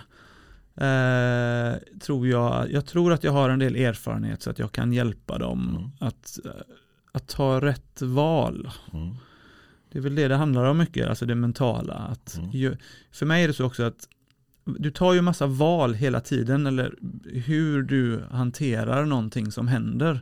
Hanterar du det på ett negativt sätt eller på ett konstruktivt sätt? Mm. Och att hela tiden vara en problemlösare och hantera de sakerna som uppstår med, med någonting konstruktivt. Mm. Då, då är man ju på väg. Mm. Även om du inte liksom gör det är, finns ju många svåra val Som kanske Verkligen. inte blir rätt första gången. Mm. Men du, du, du försökte Mm. och så nästa gång så, så har du lärt dig någonting Mm. utav det. Mm. Det blir lite flummigt men, Nej, jag, men jag förstår vad du menar. Jobbar du samarbetar med någon form av beteendevetare, idrottspsykolog eller någon liknande person? inte nu. Nej, har Jag, du gjort? Ja, Mm. ja. ehm, Har du några exempel på det? Hur det har blivit eller varit? Ja men alltså, jag det, det är framförallt så här när om en individ ska jobba med, tillsammans med en beteendevetare eller en ja, idrottspsykolog Mm. det, så är det väldigt viktigt jag att, att adepten vill det och att det kommer inifrån och att de här tankarna som man kanske brottas med Mm. att det är ehm, att det är ja, men den aktive som vill det Mm. för jag, jag tror inte på att man ska forcera på det eller säga till en aktiv så här, du behöver jobba med en mental coach. Nej.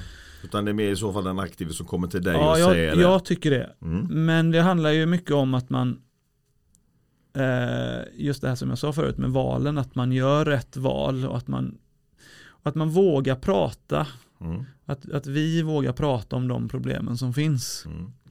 Men om man säger så här att du, du, du känner att du har en, en adept som, som är duktig och som är extremt eh, talangfull och som har kommit upp på en hög nivå men som saknar det där allra sista exempelvis eh, väldigt bra i tävlingar när det gäller mindre men sen kommer det större tävlingar när det gäller mer och då, då, då hoppar man exempelvis mycket sämre. Jag tar det som, som mitt problem då. Mm. Jag, jag anser att det har att göra med upplägget, med planeringen, hur jag har fått den, hur jag har tränat den inför. Mm.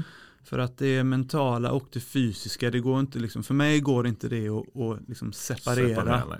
Det är, om du är bra fysiskt Mm. och du gör saker bra på träningen, du, har- du är säker i din teknik, du är trygg i vad du ska genomföra. De här tre sakerna, det fysiska, det, eh, det tekniska och det mentala. I, I din värld så är de integrerade med varandra och du har ansvaret för helheten och du är den som ska fixa till det eh, egentligen. Och har fullt ansvar för det, kan man säga så. Det var väldigt bra uttryckt, precis Mm. så. Ja. Har du några erfarenheter på något sätt, du behöver inte nämna några namn, men där du har eh, jobbat med någon adept, eh, där du har så här, utifrån det mentala gjort något speciellt för att lyft, lyfta prestationer? Uh, nej men alltså det är så här, jag, jag har, för mig så har, är det nästan 100% att när man är bra förberedd så, så, så presterar man bra. Mm. Och då har man också tur på något konstigt sätt liksom. Sen eh, Ja, alltså jag- lite, jag, jag, man, jag kan ju om det är så att formen och fysiken inte riktigt är där som man önskar att det ska vara, Mm. då vet ju jag också att nu kommer det bli det kommer bli lite svårare Mm. i år att göra liksom en hundraprocentig Alltså grejen är så här att jag vet ju då som Emma många gånger till exempel som har presterat otroligt bra tycker jag på, på stora mästerskap. Mm. Så är det ju, kan ju förväntningarna vara att hon ska hoppa två meter. Mm.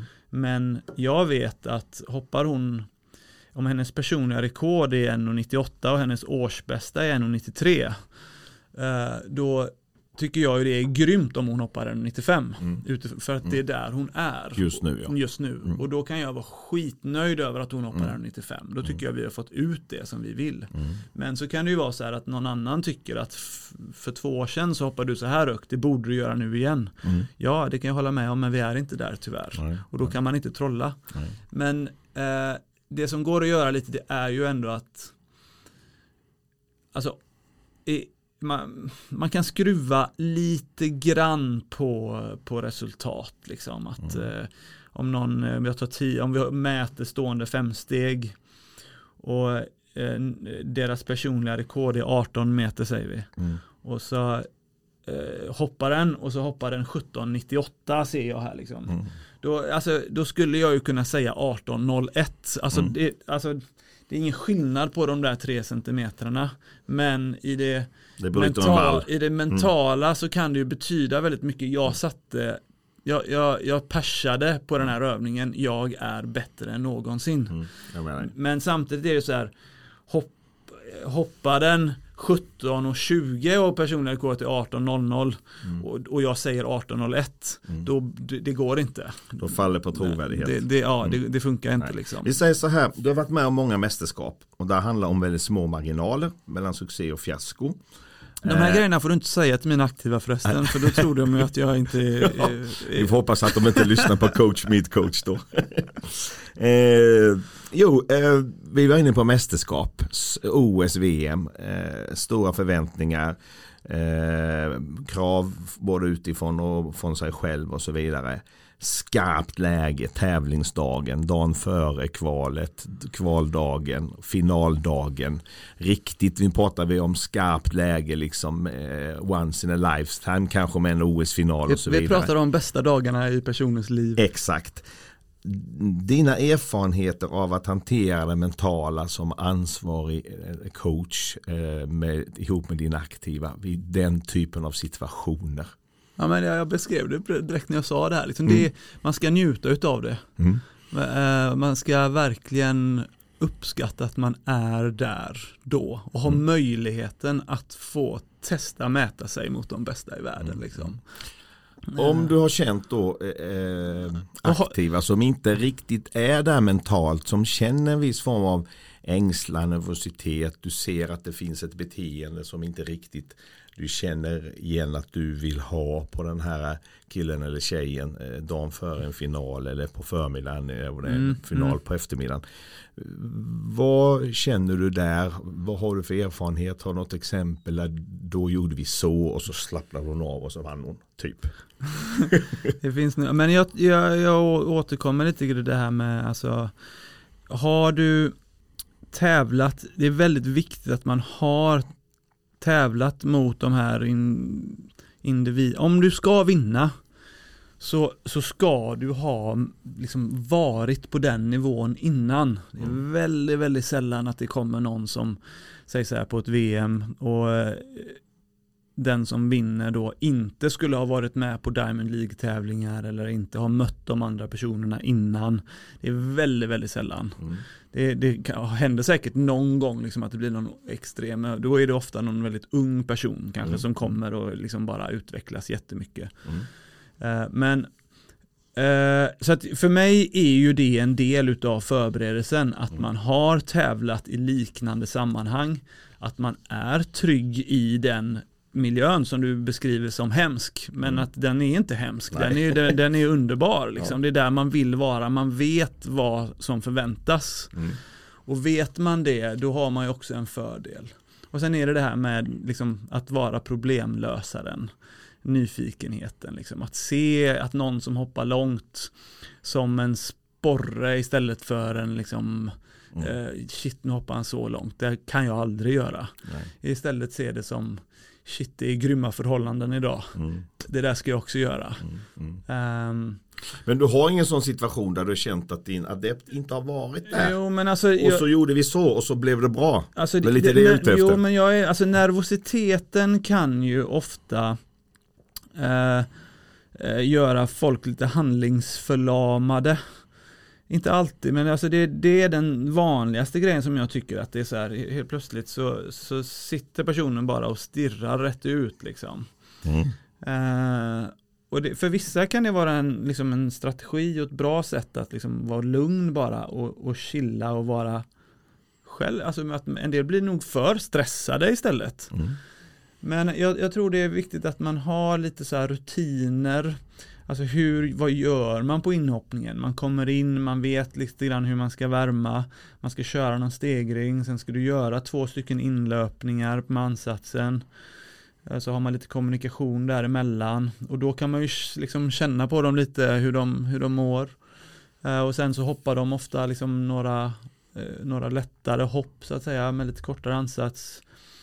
Och då, alltså, så att, man, det, att det sker någonting hela tiden mm. tror jag är viktigt. Och min roll i de sammanhangen är ju verkligen att vara den trygga punkten. Mm. Och att är man nervös och man inte riktigt vet som ska, vad som ska hända så kan en blick liksom bara liksom på mig mm. Och liksom, eller om man känner för att prata lite, liksom, komma och snacka lite. Liksom, och så. Tummen upp. Tummen upp, mm. precis. Det, mm. jag, jag, jag har inget så här jättekonkret eh, att, att komma med. Jag menar, det, det, det, är så olika från vad jag säger spelar nog väldigt stor roll. Mm. Mm. Eh, men och det handlar nog mer att, att bara vara så, så lugn, att jag är lugn och peppande och liksom mm. visar att jag tror på personen. Mm. Och som sagt, har vi gjort jobbet, då blir det bra. Jag är med på det och det är såklart extremt situationsanpassat också. Ja. Från individ till individ. Ja. Mm, mm. Det är bra Jannik, vi släpper det. Eh, när man planerar en, en, en, karriär, en säsong, en månad, en tävling och så vidare framåt så, så målsättningar är väldigt viktigt i, i verksamheter. Hur har du jobbat med det mot dina aktiva med målsättningar, kort, lång och så vidare? Jag tycker det är svårt alltså med just, just det, den grejen för att en del sätter väldigt höga målsättningar och kanske där målsättningen blir mer bara ett, eh, ett uttalande istället för liksom en drivkraft inifrån. Mm. Så att för mig är ju inte själva, alltså så här, resultatet om de säger jag har skapat två meter eller mitt mål är att vinna OS eller mitt mål är att liksom, ja, det, det, det, är, o, det är inte viktigt för mig. Uh, för det viktiga är ju att, att de vill utvecklas, att, alltså att, att persa eller att vinna liksom det stora mästerskapet eller bli bäst i världen. Det är för mig en självklarhet. Mm. Uh, men du måste göra jobbet. Mm. Resan dit är det viktiga. Ja, ja, men och då mm. är det ju ändå sådär liksom att som vi var inne på väldigt mycket förut med livssituation att skapa, att göra rätt val. Mm. Det, det, är ju det som jag tycker ska vara målsättningen. Mm. Och då är det ju ibland så här, en del säger så här, vad är ditt mål? Ja, men mitt mål är att göra mitt bästa. Mm. Och den gillar jag väldigt mycket om man fattar vad det innebär att göra sitt bästa är. Mm. För att man, det är också en fras som man kan gömma sig bakom. Mm. Att, liksom, men, men det Fattar man vad det innebär att göra sitt bästa, då är det, det, det de tuffaste kraven du kan ställa på dig själv. Mm. För det handlar ju om allt från att du vaknar på morgonen Alltså egentligen, ett, om vi går liksom, om vi pratar OS nästa år, mm. så ska du säger jag nu att jag ska göra mitt bästa för att prestera så bra som möjligt på OS nästa år. Mm. Då börjar ju det nu. Mm. Allt jag stoppar i mig, hur sover jag, vilka val gör jag varje dag från nu. Mm. Och den, den, då, det är ju då vi börjar liksom kunna, då återhämtar man sig bättre, då äter man rätt, man, man är fokuserad på sin uppgift, man vet vad man ska göra. Om man inte vet vad man ska göra så frågar man mig, Jannik, vad ska jag göra för att bli bättre? Mm. Uh, hur behöver jag vara? Hur be vad, vilka egenskaper är det vi ska fokusera på? Ja, jag, jag, alltså man ska ta det ansvaret. Och jag, det är inte alltid jag som, som ska liksom bara komma och servera allting på ett fat. Man får ta ett ansvar själv. Tycker du att ibland när man har den målsättningen, jag ska göra mitt bästa, så fokuserar man bara på tävling? Och inte på livet för övrigt? Ja men eh, så det, det, är nog så, alltså någon säger så, jag gjorde mitt bästa idag. Mm. Ja men det kanske du gjorde det nu liksom, men du har ju glömt eh, liksom hela året här. Ja. Så gå och lägg dig. Det är bra. Vi släpper målsättning och då går vi in istället på det här som kanske ännu mer intressant, är ju egentligen då uppföljningen av målsättning, analys och reflektioner. Eh, din erfarenhet genom alla år att jobba med analys eh, av en adepts eller en träningsgrupps utveckling eh, reflektion och feedback?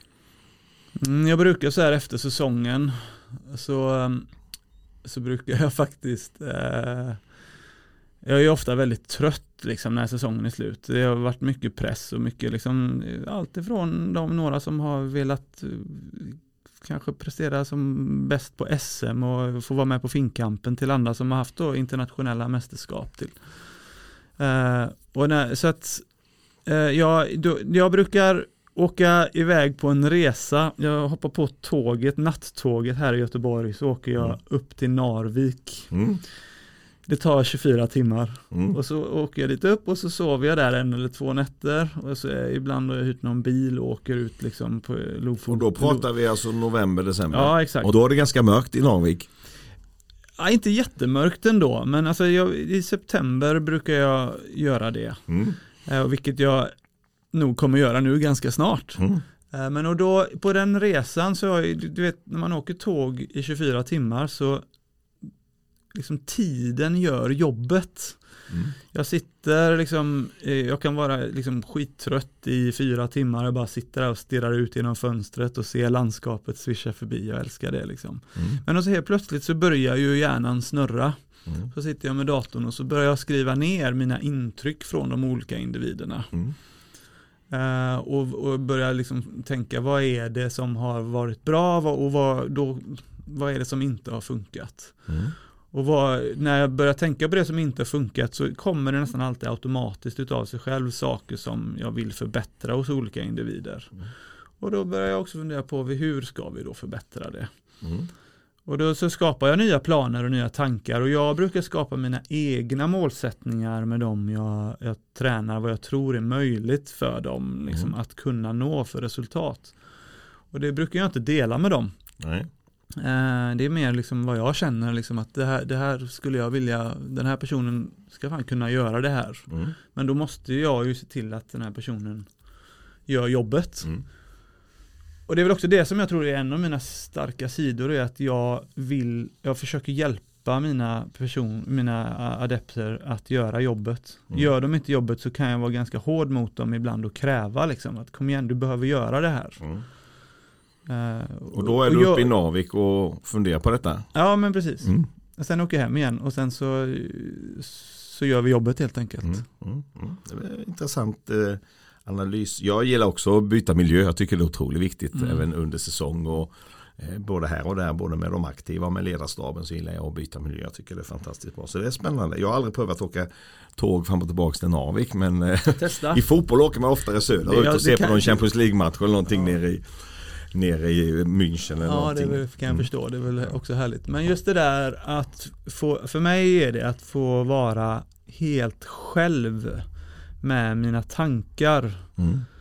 Eh, Och när man åker tåg och man är på väg någonstans, så för mig är det att man hamnar någonstans i en eh, väldigt gynnsam liksom, situation för, att, för att tänka. Mm. Det blir en kreativ miljö och du Mm. blir avslappnad.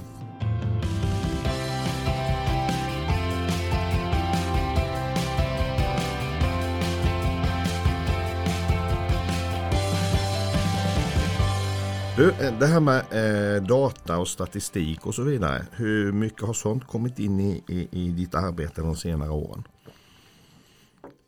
Um, ja, vi, alltså vi mäter ju ganska mycket, så här, alltså när vi kör styrka så ser man ju hur mycket vikt det ligger på stängerna. Mm. Och när vi kör hoppstyrka så är det ett viktigt moment också att ha olika övningar som man mäter. Mm. Sen kan man kalla det tester om man vill. Mm. Ehm, Men för mig är ju att mäta väsentligt för att det, det, visar ju också att man tar du i eller tar du inte i. Mm. Det finns ju också studier som visar bara så här eh, personer som eh, som, eh, som mäter vad de gör blir bättre än personer som bara liksom, för att om, du- om du gör ett utföra en, ett längdhopp och du mäter det då, och du ser att det, det här var 6 meter Mm. Ehm, och så hoppar du igen och så är det 5,70 då, så här, då, då känner kropp, lär sig kroppen själv också att förstå att ja, Mm. det här var inte bra. Mm. Och, och, så jag tycker det är viktigt att mäta. Mm. Eh, och, Har, har det blivit mer statistik de sista åren i friidrott?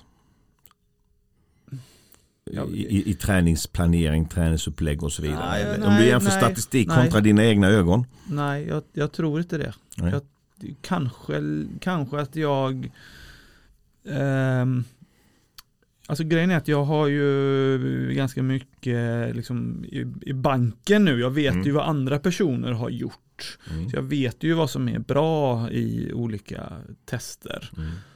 Och då är det ju såklart eh, Fast det, fråga, alltså Man är ju där man är. Mm. Men om, man, om du inte är där så behöver man bara bli bättre och då Mm. gäller det ju liksom att träna rätt och Mm. göra rätt övningar så att Mm. man utvecklas. Och alla utvecklas ju också på olika sätt. Och det gäller, varje individ jag tränar är ju, är ju ny. Så att jag menar, jag kan ju inte bara ta Christian Olssons träningsprogram och sätta det på Gabriel Warmark nu och så, så, så kommer han också hoppa Nej. 1783. Det funkar inte. Det funkar inte så. Du Jannik, eh, du har ju haft otroliga eh, framgångar som eh, friidrottstränare. Eh, väldigt stora får man säga.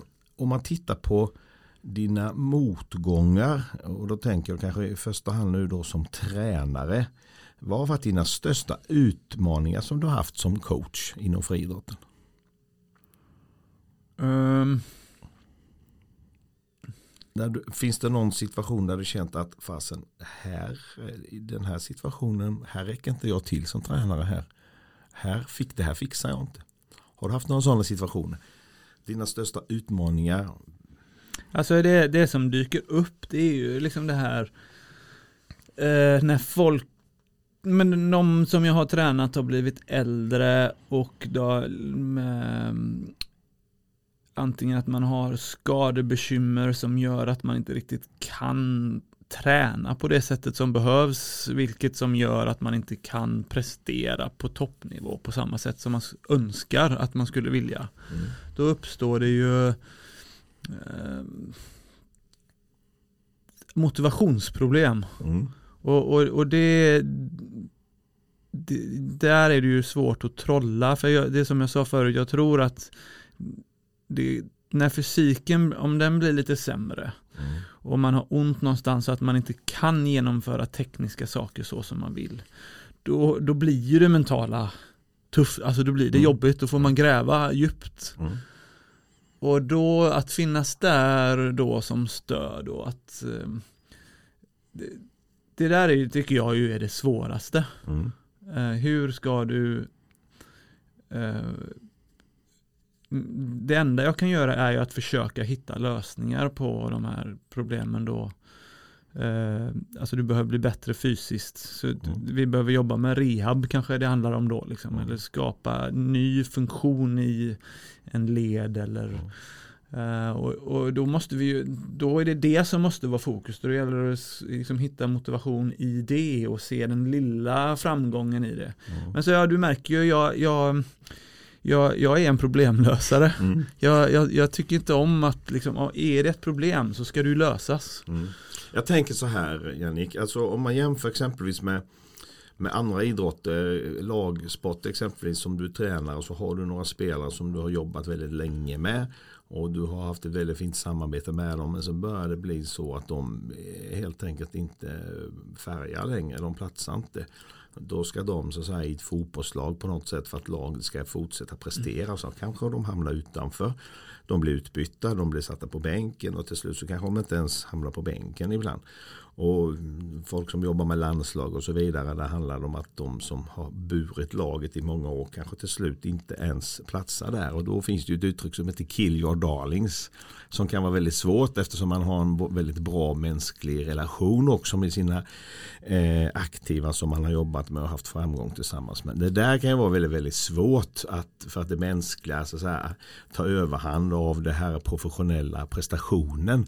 Finns, det någon, finns den typen av så att säga, problemställning i en friidrottstränares vardag? Att en som varit uppe och slått kanske nästan på världsrekord och vunnit OS och så vidare. Sen presterar man inte helt plötsligt längre. Man kommer tolva på, på en GP-gala i, i Barcelona helt plötsligt. Och blir det då fokus att tränaren gör någonting fel eller kan adepten känna att det är jag som inte är tillräckligt bra och så vidare. Förstår du lite vad jag är ja, ute efter? Ja, men jag förstår verkligen. Och så har, det ju, så har det ju varit en del gånger och det är ju eh, jag kan ju inte bara säga att jag alltid gör de perfektaste planerna och bästa träningsprogrammen liksom så att eh, jag menar det är klart att, att jag ibland lägger upp det fel så att det kanske är tråkigt eller så att det inte ut, sker någon utveckling och att man skulle kanske behövt gjort det på ett annorlunda sätt så hade det kunnat presteras bättre.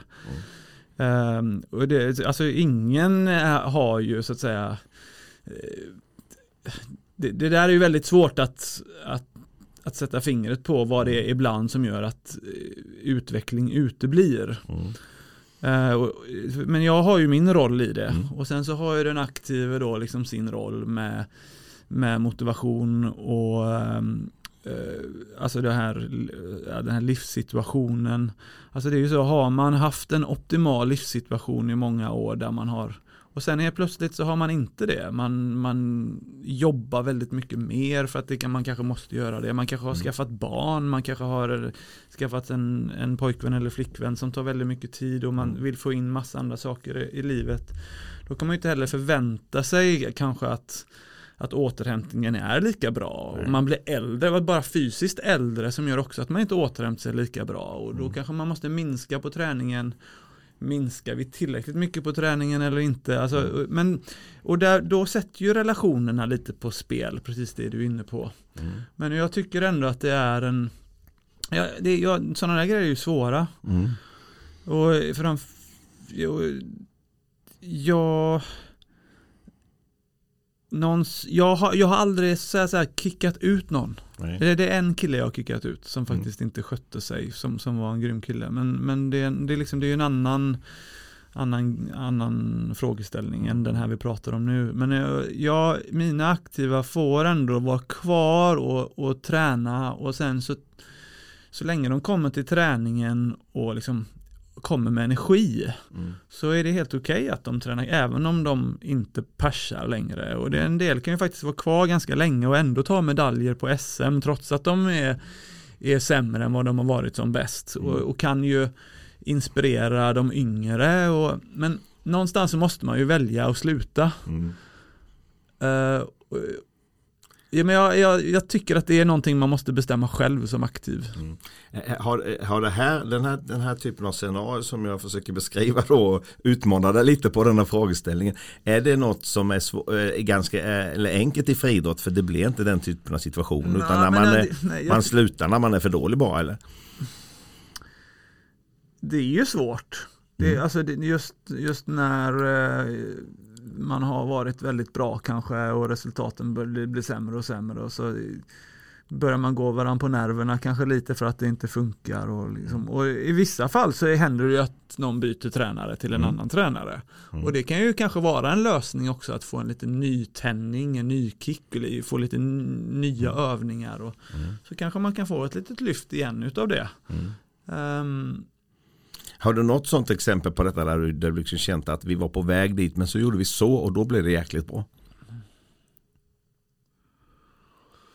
Svår fråga kanske. Nej men alltså det, nästan har det alltid varit, när det liksom börjar gå, om man så här i friidrotten är det ju ganska, det, det har ju faktiskt också lite med ålder att göra och Mm.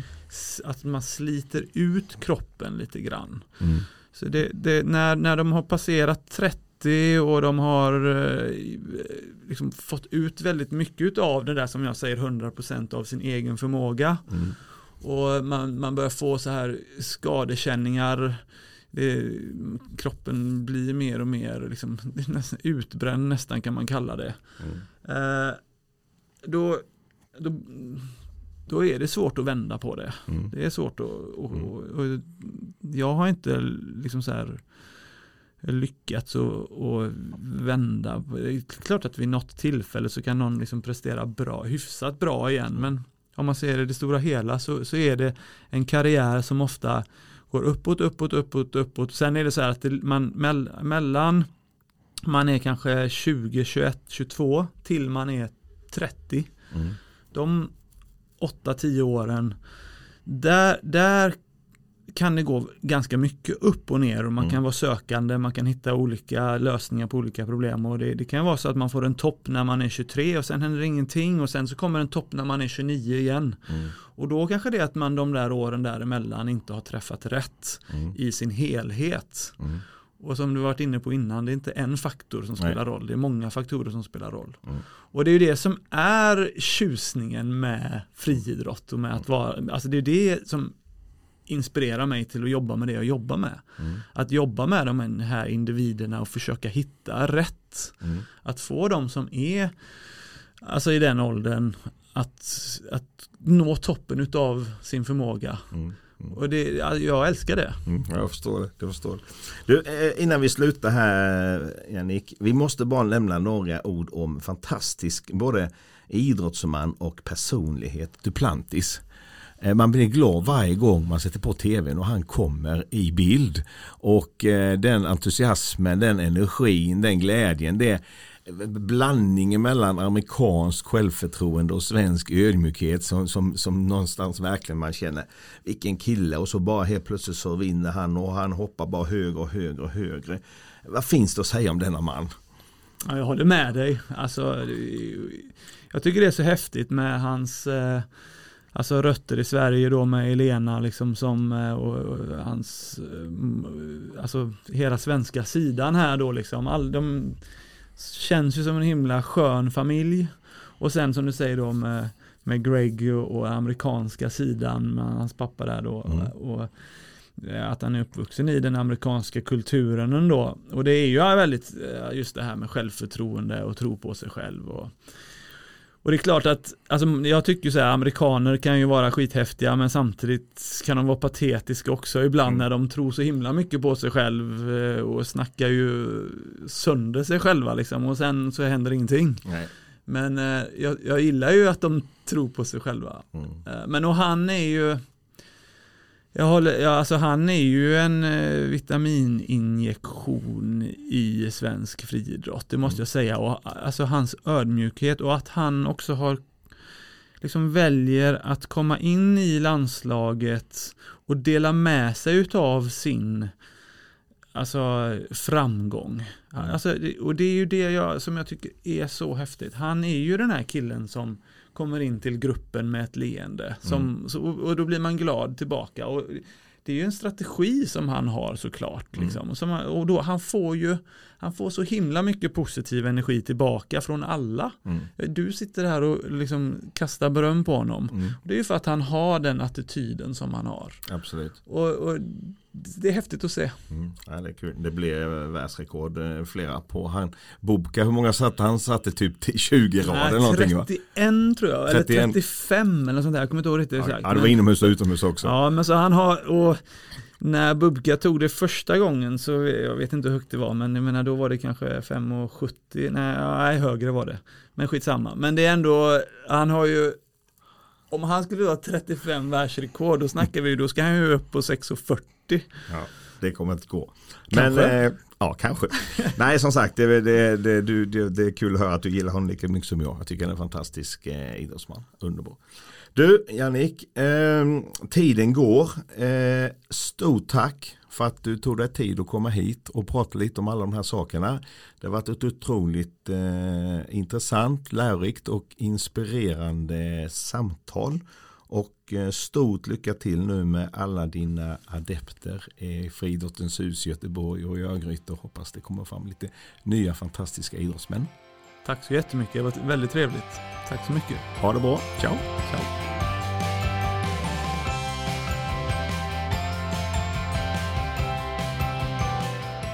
Tack för att du lyssnat på Coach Meet Coach och tack till Ideella Folkspel för att ni låter hela överskottet från försäljningen av Bingolotter och Sverigelotten gå tillbaka till föreningslivet och stödjer utvecklingen av framtidens ledare, bland annat tillsammans med Riksidrottsförbundet och utbildningsprojektet Eldsjäl 2.0.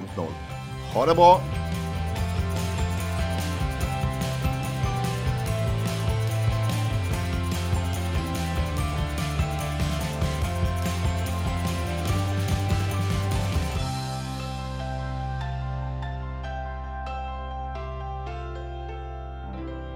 En poddproduktion av Fredag.